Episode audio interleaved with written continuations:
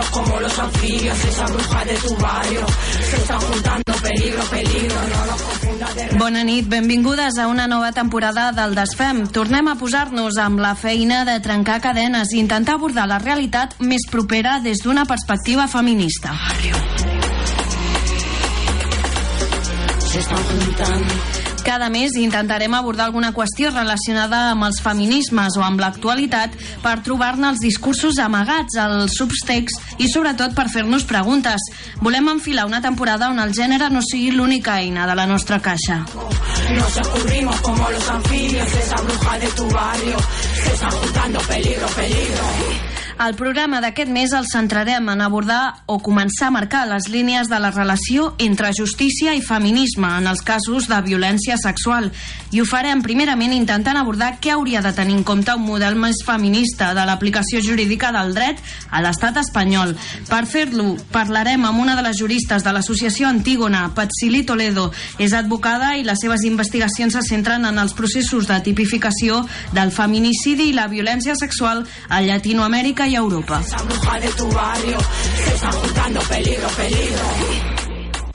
També abordarem algunes de les tensions que plantegen alguns feminismes, sobretot els més llibertaris, sobre la tensa relació entre feminisme, justícia i sistema penitenciari. Veurem si el Codi Penal és l'única solució per abordar els casos de violència sexual.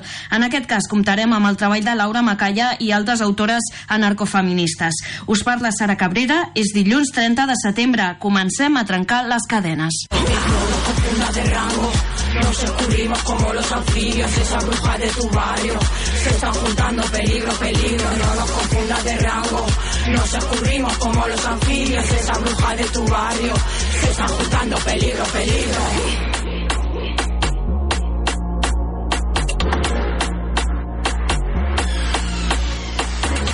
Els darrers mesos han estat ben agitats des de la perspectiva feminista.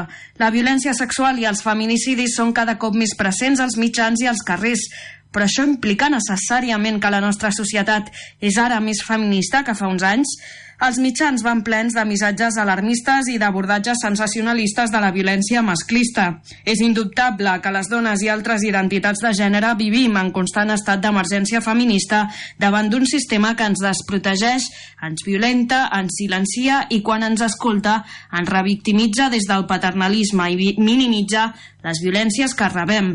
Paral·lelament, alguns partits polítics i discursos aprofiten la preocupació general pels casos de violència sexual per posar sobre la taula propostes com la implementació de la pena permanent revisable i altres mecanismes d'enduriment del Codi Penal. Però a qui beneficien aquestes mesures? Protegeixen realment les dones? És la presó la mesura més efectiva per evitar la violència patriarcal? Parlant concretament de violència sexual, els darrers casos d'agressions sexuals han tornat a posar sobre la taula la necessitat d'una tipificació de la violència sexual que tingui en compte la perspectiva de gènere. El govern de Pedro Sánchez va iniciar aquest estiu els tràmits per la modificació del Codi Penal per fer desaparèixer el delit d'abús sexual, només contemplant el d'agressió sexual o violació, Solo un sí és un sí, deia la ministra Carmen Calvo. Alhora, la crítica de que vivim en un estat on la justícia és patriarcal continua ben present pel moviment feminista. D'altra banda, els feminismes, quina resposta estan donant a aquesta situació? És l'Estat l'única font de seguretat per les dones? Què implica una conceptualització de la justícia més feminista? Sens dubte, se'ns gira feina i dubtes davant del xoc entre tots aquests discursos. Justícia patriarcal, el govern més feminista dels últims anys, diuen alguns, consentiment, reparació col·lectiva, pedagogia, víctima, agressor... Què passa si posem totes aquestes categories sota la mirada d'una lupa? Doncs no serà per no intentar-ho. Estás escuchando Desfem, el programa feminista de Ràdio Sant Vicenç. Molt sovint, quan parlem d'agressions sexuals i violacions, els mitjans es fan resó dels casos més alarmistes o que inciten a la cultura de l'espectacle. Hem sentit molt a parlar del cas de la manada de Sant Fermín o el de la manada de Manresa. Però què passa amb aquells casos que, on les magistrades, perquè sovint són dones, fan un abordatge en perspectiva de gènere? Què implica precisament emetre una sentència en perspectiva feminista? Iranzu Varela, al programa El Tornillo, parla precisament d'un cas on considera les magistrades van emetre una sentència prou feminista. Em sembla interessant, per començar a abordar la tensió entre justícia i feminisme als casos de violència sexual, posar aquest exemple, lluny de la victimització i la cultura de l'espectacle. Escoltem-la. Hoy vamos a hablar de la justicia feminista. No, amigas, no estoy hablando de eso con lo que fantaseáis a veces. Es otro día.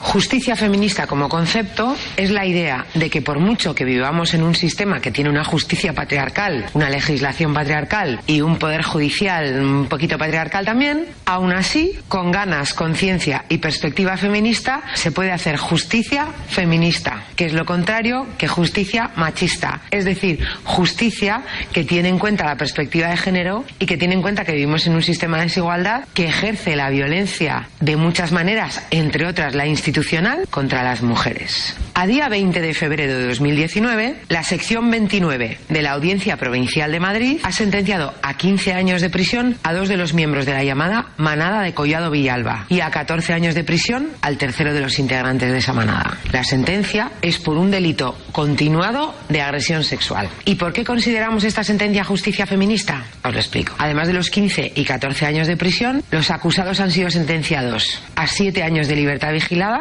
a permanecer sin contacto con la víctima durante 25 años y a pagarle una indemnización de 30.000 euros cada uno. Según la sentencia, el delito de agresión sexual ha consistido en que cada uno de ellos la obligó a practicarles una felación. Y diréis, ¿pero cómo puede ser que les caigan 15 y 14 años de prisión por una felación cuando, por ejemplo, en el caso de la manada solo les han caído 9 años por 11 penetraciones en 18 minutos? Pues porque la sentencia la han dictado tres magistradas que Mira que no las conozco, pero te puedo asegurar que tienen por lo menos conciencia feminista y seguro que también formación en cómo aplicar la justicia desde la perspectiva de género. Esto se nota claramente en la sentencia. Se les condena a un delito de agresión sexual y no de abuso sexual porque se ha tenido en cuenta una figura jurídica basada en la jurisprudencia y que se denomina intimidación ambiental. ¿Y qué es esto de la intimidación ambiental? Lo leo textualmente. La jurisprudencia admite que el efecto intimidatorio puede producirse por la simple presencia o concurrencia de varias personas, en este caso tres hombres de mayor edad y corpulencia, distintas del que consuma materialmente la agresión, ya que la presencia del grupo puede producir en la persona agredida un estado de intimidación ambiental, a la vez que provoca un efecto de reforzamiento psicológico de quien se ve rodeado de otras personas que le animan. Así, en esta sentencia, no solo les condenan por agresión sexual, sino también porque cada uno de ellos contribuyó a que la víctima tuviera miedo. Es decir, las tres juezas han considerado que el hecho de que alguien te obligue a tener una práctica sexual contra tu voluntad y que además lo haga animado por el grupo y que además el grupo contribuya a que tú tengas más miedo todavía del que ya de por sí tienes cuando alguien te obliga a tener una práctica sexual, pues que esto lo convierte en agresión sexual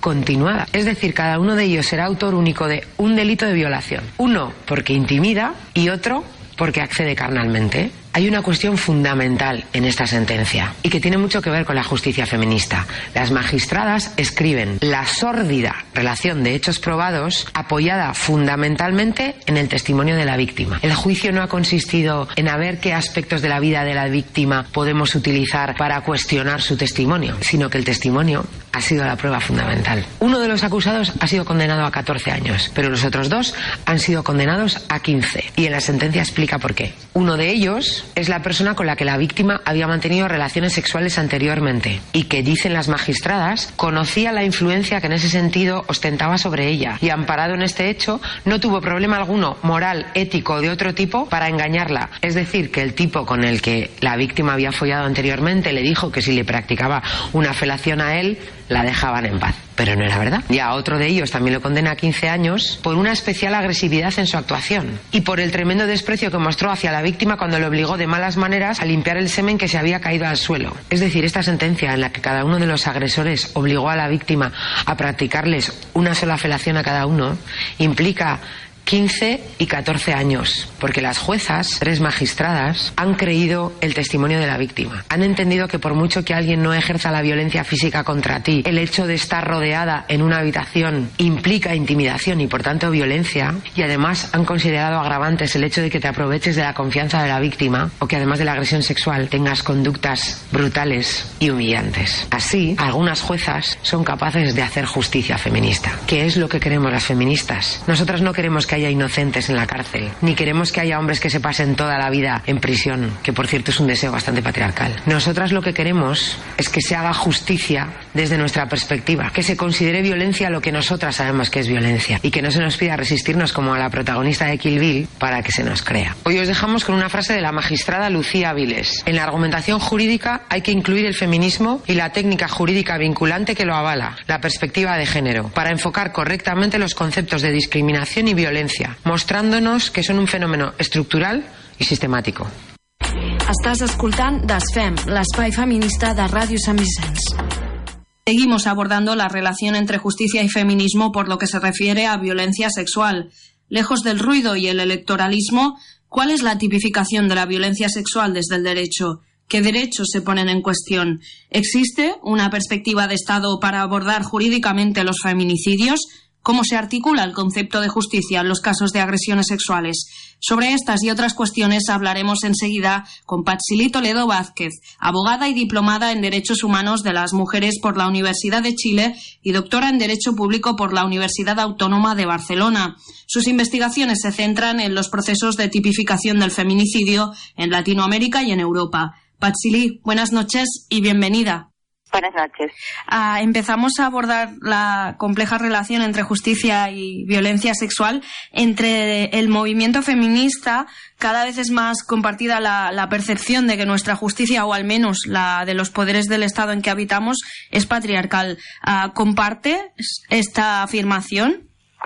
Bueno, sí, efectivamente, cuando se dice que la justicia es patriarcal, es es una constatación, digamos, pero tampoco es algo específico del, del contexto de, ni de Cataluña ni del Estado español. Es un fenómeno, y tampoco es un fenómeno limitado a la justicia. Es decir, vivimos en una sociedad que es todavía patriarcal y gran parte de las instituciones, y en particular las instituciones del Estado, son patriarcales. Es decir, son, son instituciones que están todavía basadas en, en, en, un, en unos modelos tanto tanto teóricos como, como sociales, en los que se ha garantizado eh, que, eh, que, que, la violencia contra las mujeres ejercida por los hombres, en particular por algunos hombres, esto lo hablaremos luego si quieres, eh, pues sea una, una violencia considerada legítima, en el caso, por ejemplo, de, de las violencias.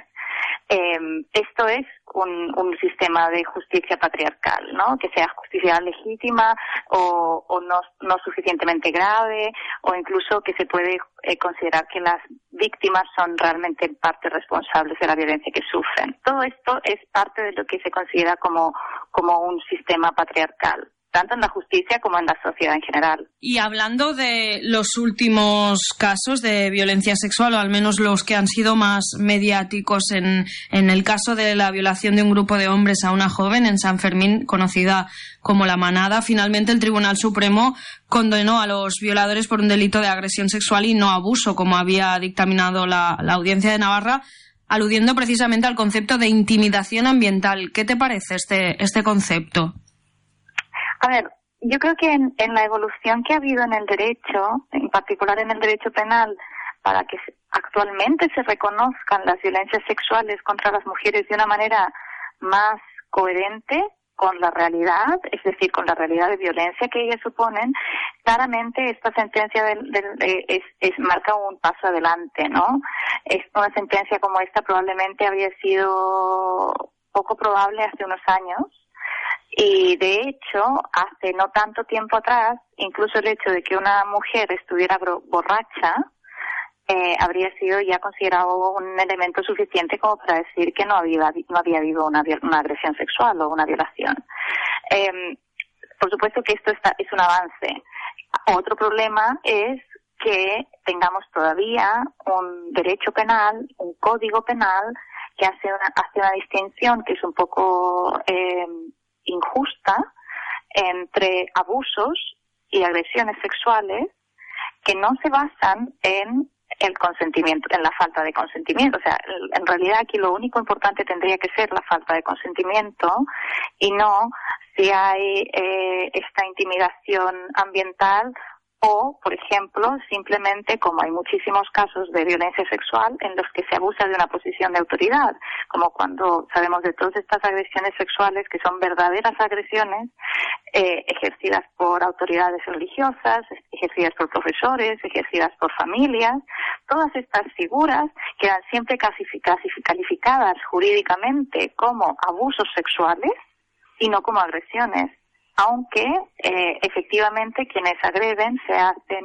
eh, hacen, se hacen, hacen valer esta posición de autoridad eh, para cometer la, la violencia, la agresión, eh, la violencia sexual. Por lo tanto, eh, hay problemas que tienen que ver tanto, o sea, que se van resolviendo a nivel judicial, como en el caso de esta sentencia, pero hay otros problemas que están en nuestras leyes que todavía eh, falta porque se reconozca que efectivamente aquí el problema es la falta de consentimiento, es el nivel de intimidación o miedo que se ejerce en la víctima. Sí, porque de hecho en, en, una, en un contexto de heteropatriarcal, digamos, esta relación de poder desigual, de hecho está presente, ¿no? En, siempre que se dé una violencia sexual. Bueno, y esta, podemos decir que está presente en distintos grados, no es, uh -huh. no es como un hecho sobre todo cuando pensamos en, en los casos de violencia sexual en los contextos de, de, de relaciones de familia y de, y de, y de pareja, que son la mayor parte de las agresiones sexuales, es la violencia sexual, que además es en general no denunciada. Eh, hay muchos factores que, que, inciden, pero, pero el tema de las, de las, de, de que el, el Código Penal considere que cada vez que hay un abuso de autoridad, eso no es agresión, sino que es abuso, o sea, eso no es un delito grave, sino un delito menos grave, eso es que el Código Penal está dando a todas las personas que tienen poder, empleadores, profesores, sacerdotes, eh, padres, tíos, les está dando una justificación, una atenuación de los delitos que cometen.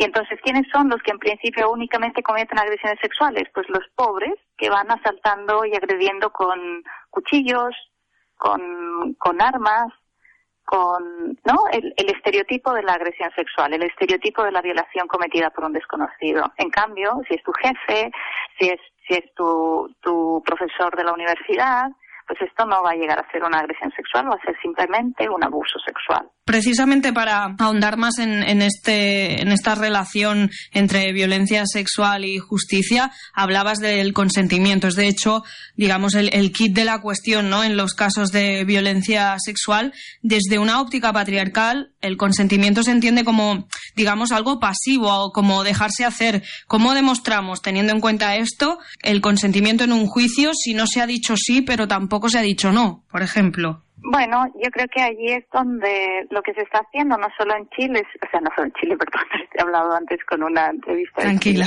Eh, no solo en, en, en, el Estado español, sino también en otros países, es eh, comenzar a, por ejemplo, en el Reino Unido, el, las guías de la, de la Fiscalía ya comienzan a incluir expresamente que el consentimiento se tiene que acreditar de cualquier forma que manifieste que la víctima estaba o la supuesta víctima estaba activamente participando de la eh, de la digamos que no había duda por el entusiasmo de la víctima de que ella estaba consintiendo. Y esto se deriva de estas mismas ideas de decir el silencio o la falta de resistencia de la de la víctima no quiere decir que haya consentimiento. Y esto esta idea del silencio o la falta de resistencia claro rompe radicalmente con todo lo que siempre se ha pensado de la de que era realmente una violación y que por lo tanto si una mujer se queda silenciosa no dice nada o no se mueve pues entonces eso no, no, eso no es una violación. Eso es consentimiento. Todo eso tiene que ver con lo que tú dices con una visión heteropatriarcal también de cómo es la sexualidad de las mujeres. Es decir una sexualidad prácticamente inexistente, donde no existe su propio deseo o su propia eh, iniciativa. desde una perspectiva que entiende que la sexualidad de las mujeres es pasiva, pues ya que se queden quietas y no se muevan, puede ser todo lo que ellas pueden expresar.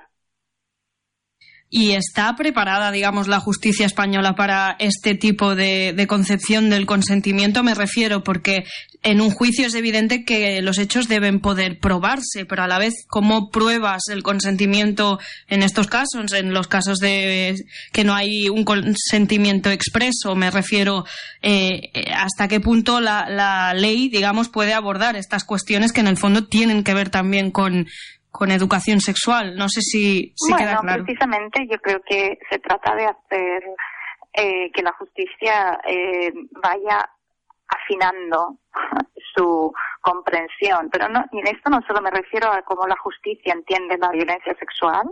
La violencia sexual también se tiene que entender en el contexto de las mentes de jueces y juezas, pero también las mentes de policías, las mentes de, eh, de médicos y médicas forenses, cómo están entendiendo todas estas personas que participan en, en, el, en, el, en los procesos judiciales en la, violencia sexual.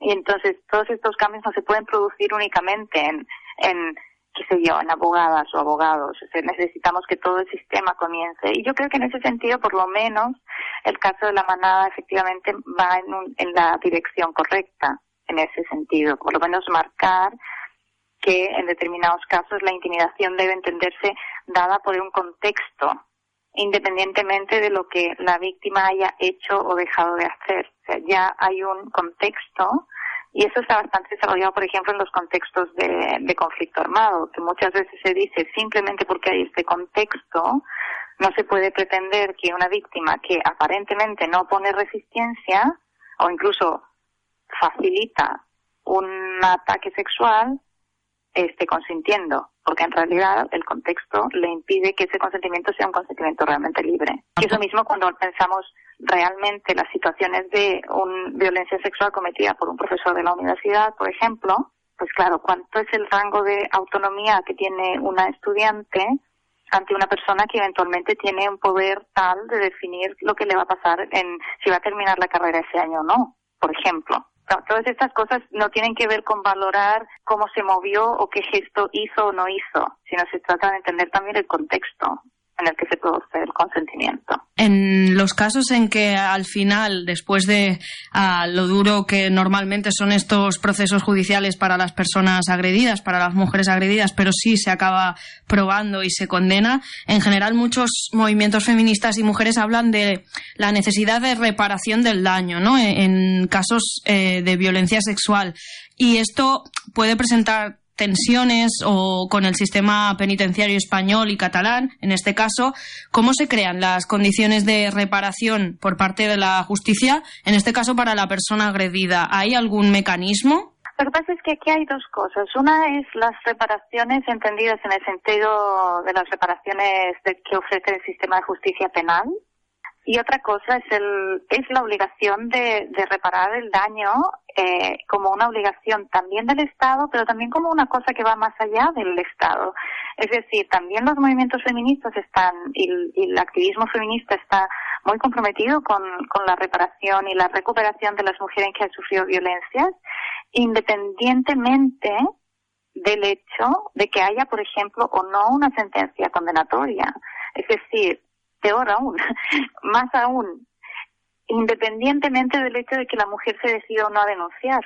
Cualquier persona, y en particular las mujeres que han sido víctimas de violencias sexuales, eh, tienen derecho y lo prioritario probablemente en su eh, es, es, el es en relación a la violencia sufrida es el es que puedan tener eh, una reparación una una recuperación eh, y eso también está, por ejemplo, cuando pensamos que no solo son una cuestión judicial, también tiene que ver con cómo los sistemas de salud entienden las violencias sexuales y qué ofrecen los sistemas de salud, qué ofrecen las, qué respuestas comunitarias existen.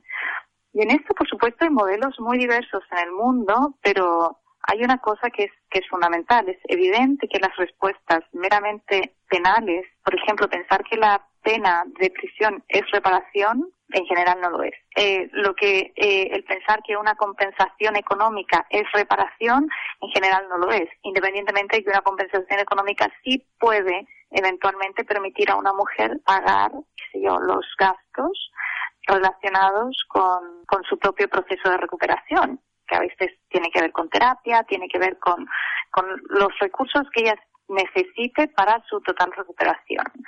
Claro, todo eso, en, todo eso lo central es la recuperación de las, de las mujeres. Es decir, el, casi más importante que cómo funciona la justicia, casi más importante de si hay una sentencia condenatoria o no, más importante que si el agresor reconoce que hizo daño o no. Es decir, hay algo que hay que poner como el centro de todo que tiene que ver con que aquí ha habido un daño que tiene que ser reparado. Y cómo se repara ese daño es lo central. El objetivo no es cuánta más eh, cuál es la pena correcta, aunque pueda tener esto un efecto simbólico importante, no podemos olvidar que el centro no lo podemos desplazar desde, es decir, quien nos importa realmente desde el movimiento feminista ha sido nosotras queremos poner a las mujeres en el centro y sus necesidades. No podemos decir ahora lo importante es tres años más o cuatro años menos de prisión, aunque eventualmente, por ejemplo, en el caso de, la, de si es abuso, si es agresión, había todo un debate más de fondo sobre el sentido de cómo se entienden las violencias sexuales. En realidad, la gran parte de, grupos y de colectivos feministas están diciendo lo, lo fundamental es ver cómo aseguramos la recuperación y la reparación más allá de las respuestas eh, jurídico-penales, porque las respuestas hasta ahora las que existen son bastante insuficientes. Por eso también se está viendo cómo está respondiendo el sistema de salud, cuáles son las respuestas eh, de salud comunitaria, etcétera. E incluso las respuestas desde el propio feminismo organizado, es decir, desde los propios colectivos feministas, como incluso el feminismo como, como opción política y como manera de entender y comprender la realidad que afecta a gran parte de las mujeres. Pues, es decir, por supuesto, no, no solo nos afecta el género, nos afectan muchos otros factores de discriminación en la vida. Somos afectadas también por discriminación racial, por nuestra clase social, etcétera. Hay muchísimos otros factores, pero eh, entender la violencia sexual desde una perspectiva feminista también ayuda muchísimo a las mujeres a su propia reparación, a su propia recuperación, porque cuando las mujeres pueden entender eh, que la agresión sexual no tiene que ver con ellas, no, no es porque muchas mujeres sufren muchísimo porque en algún grado sienten que o ellas se expusieron o que ellas de alguna manera tendrían que haberlo evitado, etcétera, etcétera. Eh, todas estas son múltiples formas de culpabilizarse las, las propias mujeres y que, y, que, y, que a veces se agravan con el estigma social que existe en torno a la violencia sexual. Todo esto, en la medida que, el, que tenemos acceso o contacto con las perspectivas feministas sobre la violencia sexual, pues puede contribuir mucho a quitar un peso grande en muchas mujeres que han sufrido violencia sexual, un peso en el imaginario simbólico de sentir o incluso de sentir que por el hecho de haber sido violada mi vida vale menos o mi cuerpo vale menos o mi proyecto vital ya está truncado. Es decir, la idea de, de que los daños son irreparables es una idea que solo contribuye a mantener la fuerza del patriarcado en estas cosas y en negar el poder que tienen también las propias mujeres para eh, reparar el daño que se les ha causado. Entonces sí que creo que son como el esperar que sea el sistema de justicia penal, el sistema de justicia penal debiera contribuir a la reparación. Pero el problema es que el sistema de justicia penal solo contribuye en cuanto en ese caso en concreto ha habido prueba suficiente y consigues tener una sentencia condenatoria. Y si no la tienes, si no la tienes igual necesitas reparación. Pero sin embargo, toda esta necesidad de, entender la justicia feminista más allá de, los juzgados y de los jueces para que nos entendamos, sino desde una perspectiva más estructural, sí que contrasta con algunos discursos mediáticos que últimamente se escuchan, sobre todo provenientes de la extrema derecha, que cuando hay un caso de violación sexual se pone otra vez sobre la mesa eh, el tema de la prisión permanente revisable, por ejemplo, desde desde tu perspectiva, ¿esto puede ayudar a solucionar un problema social de estas dimensiones o todo lo contrario? Bueno, no, no. lo que lo que es interesante ver, sobre todo, cuáles son los casos que nos enteramos eh, de violencia sexual, eh, los que conmocionan a la opinión pública de vez en cuando, son casos bastante excepcionales cuando miramos las los datos que tenemos en, en encuestas de la violencia sexual digan que la mayor parte de las, las sexuales no tienen lugar por unos desconocidos en un contexto de una fiesta o en, o en cualquiera de los contextos de casi todas las que nos enteramos por la prensa. En realidad, los principales agresores sexuales están en nuestras propias casas y son nuestras familias o nuestros, miembros de nuestra familia o nuestras parejas. Claro, estos casos es como nadie está hablando de ellos. Cada vez que hablamos de los agresores sexuales estamos pensando en esos otros, ¿no? salvajes que violan eh, en, en las fiestas o en la calle o en cualquier contexto. De, nadie está pensando en su padre, nadie está pensando en su novio o en su marido. Eh, y entonces sí que hay una eh, utilización, diría yo, y no es eh, la primera vez, pero eh, lo mismo pasó, por ejemplo, en el caso de, de, de Colonia, eh, cuando fueron eh, denunciadas eh, eh, tocamientos sexuales en, en el Año Nuevo, ¿recuerdas? Eh, hace un tiempo y cómo eso se utilizó para decir que estos eran los inmigrantes y cómo se utilizó para finalmente eh, imponer normas que eh, hicieran más difícil la inmigración o que o, o negaran los derechos a las personas inmigrantes en, en Alemania. Uh -huh. Es decir, hay que estar muy atentas de que efectivamente hay muchísimas eh, demandas feministas que son utilizadas por grupos que no son nada feministas únicamente para avanzar sus propias agendas. Eh, de hecho, eh, es, es, interesante cómo el, los casos de violencia sexual son como los que se utilizan muy a menudo precisamente por la rabia y el dolor que, que provocan tanto a las víctimas como a nivel social, se utilizan para avanzar eh, propuestas eh, penales sumamente regresivas, eh, represivas evidentemente, que por otro lado sabemos, y eso es lo que tenemos comprobado, que no tienen un impacto en reducir la violencia.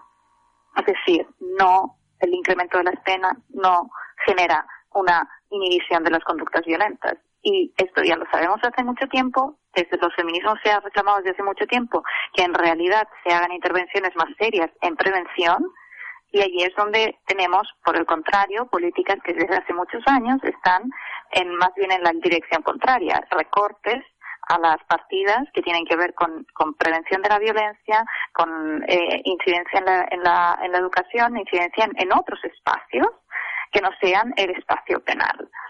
Eh, obviamente, eh, todo eso eh, es parte del escenario complejo que tenemos delante, porque efectivamente las demandas feministas son tomadas por otros grupos, como tú bien dices, sobre todo de la extrema derecha, y son simplemente reformuladas en un discurso de más derecho penal, de más castigo, cuando sabemos aquí y en todo el mundo que las cárceles no han resuelto el problema en ningún lugar. Teniendo en cuenta todo lo que nos has explicado y que mm, la relación entre justicia y feminismo pasa necesariamente por abrir miras, ¿no? Y hablar también de sanidad, de educación, de trabajo, uh, pero teniendo en cuenta solo en este, en este momento uh, el sistema judicial, ¿cuál sería para ti una tipificación más justa desde el punto de vista feminista de la violencia sexual en el contexto español, en este caso? Bueno, probablemente únicamente la, la distinción entre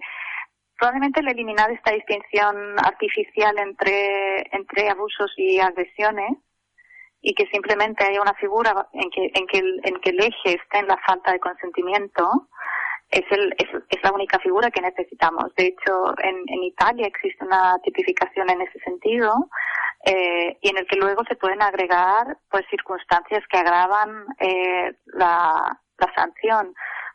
Pero en general entender que la violencia sexual incluye eh, cualquier, eh, o sea que no tiene sentido distinguir entre abuso y agresión, porque en realidad lo importante es que en la violencia sexual no hay consentimiento.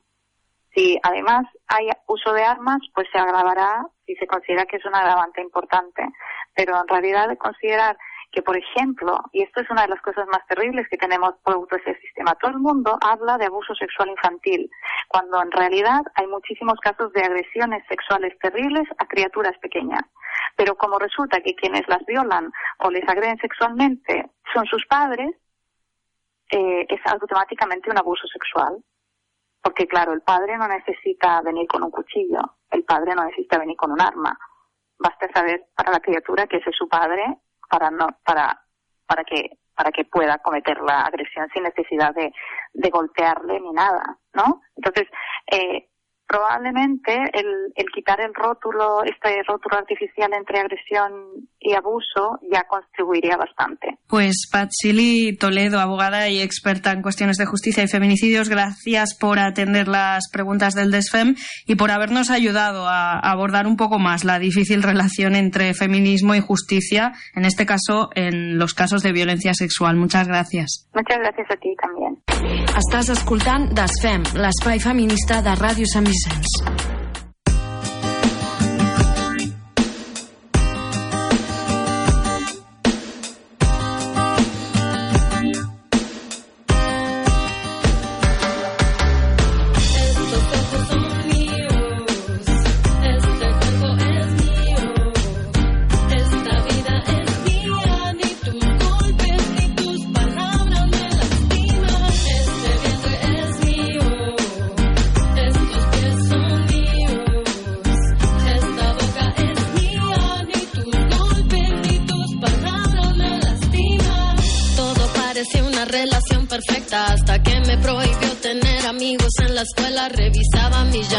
Mis mensajes controlaba. Decía que lo hacía porque a mí me amaba yo, que me sentía tan enamorada. No me percataba de que ya estaba encerrada cuando me pidió que me casara. Hacete encantada, pero creo que era el miedo de sentirme abandonada.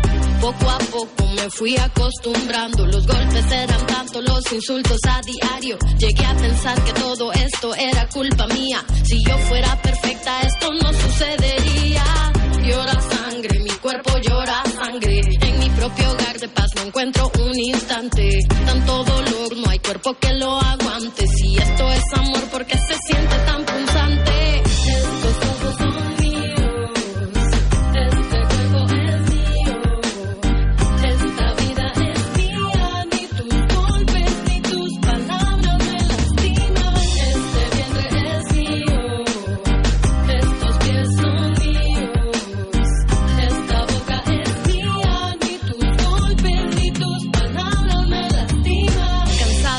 llorar todas las mañanas, de verme en el espejo y no reconocer mi alma, cansada del silencio y sentirme aislada, cansada de sentir miedo hasta en mi propia casa. No quise maquillarme las heridas en la cara, no quise aceptar llamadas ni disculpas vanas. No quiero más heridas, quiero luchar por mi vida.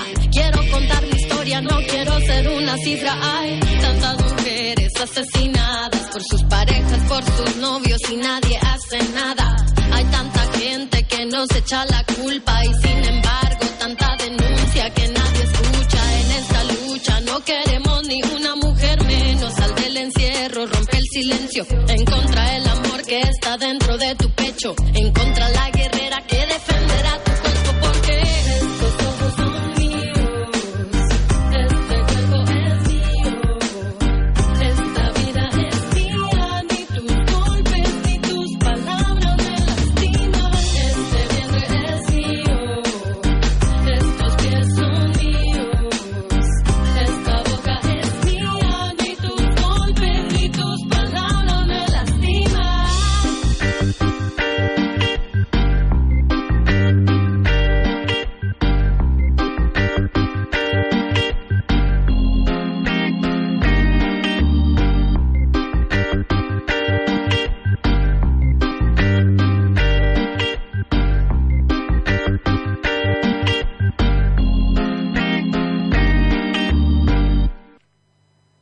alguns sectors feministes i anarquistes han qualificat la demanda d'endurir el Codi Penal arran de casos de violència sexual mediàtics com a populisme punitivista.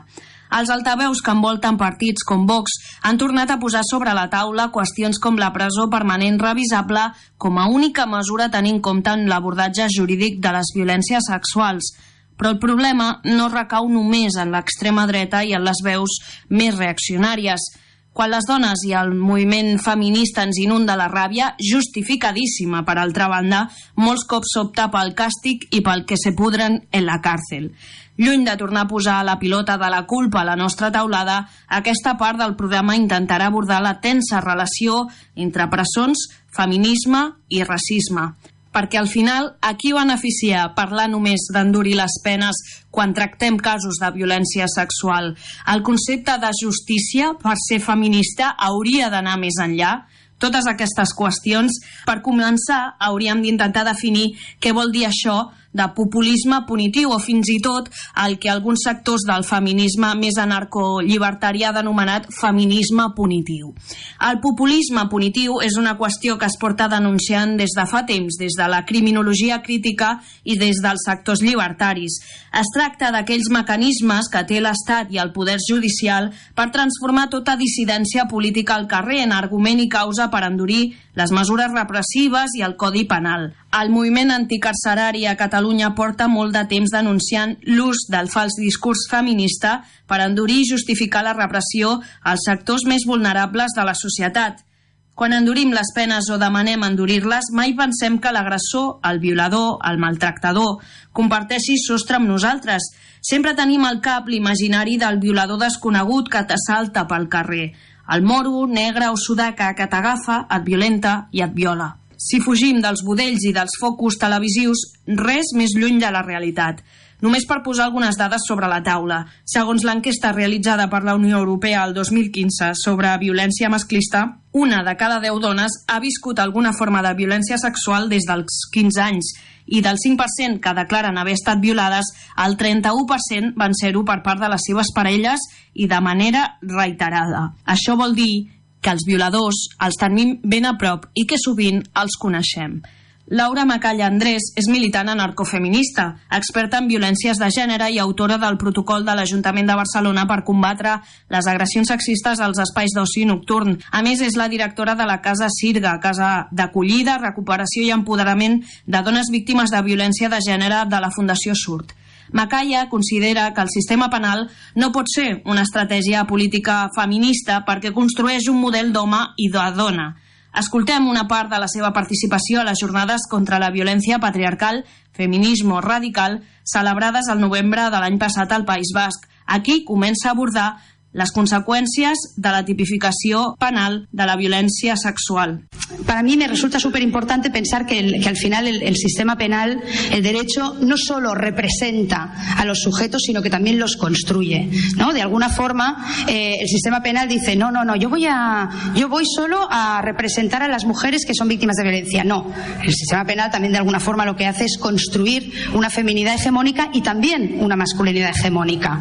Elabora una serie de ideas normativas sobre lo que son las mujeres y los hombres y en función de si cumples o no esas ideas normativas te va a dar más o menos protección. Yo creo que la protección no está garantizada en ningún caso, pero en cual, ¿no? como bien también comentaba la compañera, pero en cualquier caso, contra más transgresiones acumulan las mujeres, probablemente menos protección o más castigo por parte del sistema penal. Macaya, a més, remet als orígens de les presons per evidenciar que el càstig i l'empresonament es va començar a exercir sobre les dones amb feminitats descarriades. Bueno, de hecho, la cárcel, ¿no? La pena privativa de libertad em, fue instaurada, ¿no? Mm, eh, como, como forma mayoritaria de, de, castigo en los estados occidentales a partir más o menos de finales del siglo XVIII. Pero lo que muchas veces no se tiene en cuenta es que el encierro ya se estaba utilizando para, anteriormente, ya desde finales del siglo XVI, para castigar a las mujeres que tenían feminidades descarriadas, ¿vale? Y entonces había una serie de instituciones, como eran sobre todo las casas galeras, y las casas de la misericordia, que servían para de alguna forma decir, mm, encerrar a mujeres eh, que tenían feminidades mm, transgresoras. Pues, por ejemplo, desde eh, vagabundas, mujeres eh, que no tenían familia, prostitutas. Y entonces todo el correctivo del encierro se estaba aplicando ya sobre esas mujeres, no solo porque habían cometido un delito, que muchas veces no habían cometido ningún delito, sino precisamente se utilizaba haber encierro para poder eh, controlar y de alguna forma corregir unas feminidades que se consideraban descarriadas. ¿Esto que nos indica? Pues que ya la pena privativa de libertad se inicia de alguna forma con una finalidad de control y de corrección de las subjetividades de las mujeres y sobre todo de aquellas más transgresoras. ¿no? Con lo cual ahí ya vemos un origen y ya vemos cómo la propia cárcel sirve también como un mecanismo de construcción de género. ¿no? Y esto las compañeras que, están en colectivos de apoyo a mujeres presas lo denuncian continuamente incluso en la actualidad. ¿no? En la mateixa línia, segons l'autora anarcofeminista, el sistema penal desprotegeix i castiga les dones més transgressores. Lo que sucede es que el sistema penal no solo que desprotege a las mujeres más transgresoras, sino que además las castiga. Y esto, por ejemplo, eh, desde las entidades, por ejemplo, por poneros un ejemplo, yo cuando he trabajado y continúo colaborando a veces, pero cuando me he estado colaborando en Genera, que es esta asociación que os comentaba de mm, apoyo y en defensa de los derechos de las trabajadoras sexuales, habían muchas mujeres trans eh, trabajadoras sexuales que se ocupaban en el espacio público que explicaban cómo no solo que las denuncias que ellas hacían por agresiones o robos o cualquier tipo de situación que vivían en la calle no eran, no se las recogían directamente, sino que además eran castigadas y violentadas de forma continuada por parte de los cuerpos policiales, ¿no? I com les desprotegeix i, i castiga? Doncs segons Macalla, construïm categories de víctimes que tenen a veure, per exemple, amb el cas de Naurantes, la primera dona víctima de violència de gènere que va parlar-ne obertament als mitjans espanyols. Es muy paradigmático porque precisamente, probablemente, a partir de ese momento, se ponen en marcha una serie de, discursos y de, y de, mecanismos que generan un conocimiento respecto a lo que es una víctima de violencia de género, ¿no? Y por tanto, mm, lamentablemente, y esto seguro que nos pasa a muchas de nosotras, cuando cerramos los ojos y pensamos que es una víctima de violencia de género, nos imaginamos una persona muy similar a Ana Orantes, ¿no? Primero una persona visualizada o leída como mujer, una persona también de una determinada edad, quizás con unos eh, con unas características, pues como una persona muy dañada por la violencia una persona, no diré sumisa porque no, siempre tiene que ser así, pero sí que de alguna forma muy victimizada y muy dañada por la violencia. ¿Qué pasa? Que como se han construido todos esos parámetros, en el momento en que hay una persona que ha vivido una situación de violencia de género, pero no concuerda con esos parámetros, muchas veces es cuestionada y no protegida, no solo por los juzgados, sino muchas veces incluso por los servicios sociales y por, los, y por, los, por el sistema de, de, protección social. ¿no? L'autora es pregunta a qui acaben perjudicant finalment les demandes d'enduriment de les penes? I ho fa explicitant què vol del feminisme punitiu. ¿A quién acaban realmente perjudicando estas medidas? Cuando nosotras, ¿no? Yo creo que el feminismo punitivo, esta idea que os comentaba del feminismo punitivo, que puede parecer un poco así, es como, bueno, hay, hay dos, hay dos, para mí hay, habrían como dos cuestiones, ¿no? Por una parte estaría la parte de que podría haber una parte del feminismo que estuviera realmente defendiendo que la estrategia, que el sistema penal, que la persecución policial y que el proceso jurídico son las formas prioritarias de lucha contra la violencia de género. Esto sería una parte de lo que yo consideraría feminismo punitivo. Pero luego tenemos las estrategias políticas que a veces, sin darnos mucha cuenta, y, nos pasa un poco a todas, pueden estar reforzando las lógicas del castigo. ¿no? Entonces tenemos un problema que es, por una parte, la cuestión del potencial simbólico y, por otra parte, a quién acaban realmente perjudicando las medidas que se proponen con la finalidad de proteger a las víctimas de violencia de género. No us poso la reflexió de Laura Macalla perquè jo sigui partidària d'obviar el sistema judicial o penitenciari com a estratègia política o potser sí, no ho tinc del tot clar. A més, segons el meu punt de vista, penso que cal qüestionar aquest concepte de feminisme punitiu. Si bé és cert que hi ha discursos que darrerament surten als mitjans des del de paraigües de feminisme que podrien encabir-se dins d'aquesta definició, fins a quin punt el moviment autoorganitzat, el moviment de dones, el moviment feminista, té el poder que té, per exemple, un estat o el poder judicial per exercir aquest punitivisme. Allò evident que es desprèn d'aquest programa i d'aquestes crítiques és que hem de començar a qüestionar el rerefons del que diem des dels modells, sobretot d'aquells discursos i mesures que es tornen hegemònics i comencen a tenir conseqüències sobre els sectors més vulnerables, dones, dones trans, treballadores sexuals, persones racialitzades, persones pobres. I precisament sobre la intersecció del populisme punitiu i el racisme, volia acostar-vos a la reflexió de Sílvia Agüero, que és activista gitana i col·laboradora del Pícara Magazine. Va reflexionar precisament al juliol sobre la necessitat d'una reflexió feminista entorn la justícia, que proposi alternatives més enllà del punitivisme tot analitzant els casos més mediàtics de Diana Kerr, Marta del Castillo Mariluz Cortés Digo Agüero, si estos señores siguen proclamando una cadena perpetua a la española, siempre saldrán perdiendo los otros, esos otros que no entran y no caben en esa masculinidad hegemónica que se proclama, esos otros que están en nuestra franja, en la franja de las racializadas, esos hombres nuestros que han sido situados también fuera del orbe de lo humano y que los sitúa encima de nosotras y debajo de las mujeres blancas payas españolas, esos a los que tenéis miedo, esos hombres que son gitanos y moros y negros, esos hombres que están más cerca de lo que vivimos y sufrimos que nosotras, de ustedes, las mujeres payas españolas. Si mes no, donem mi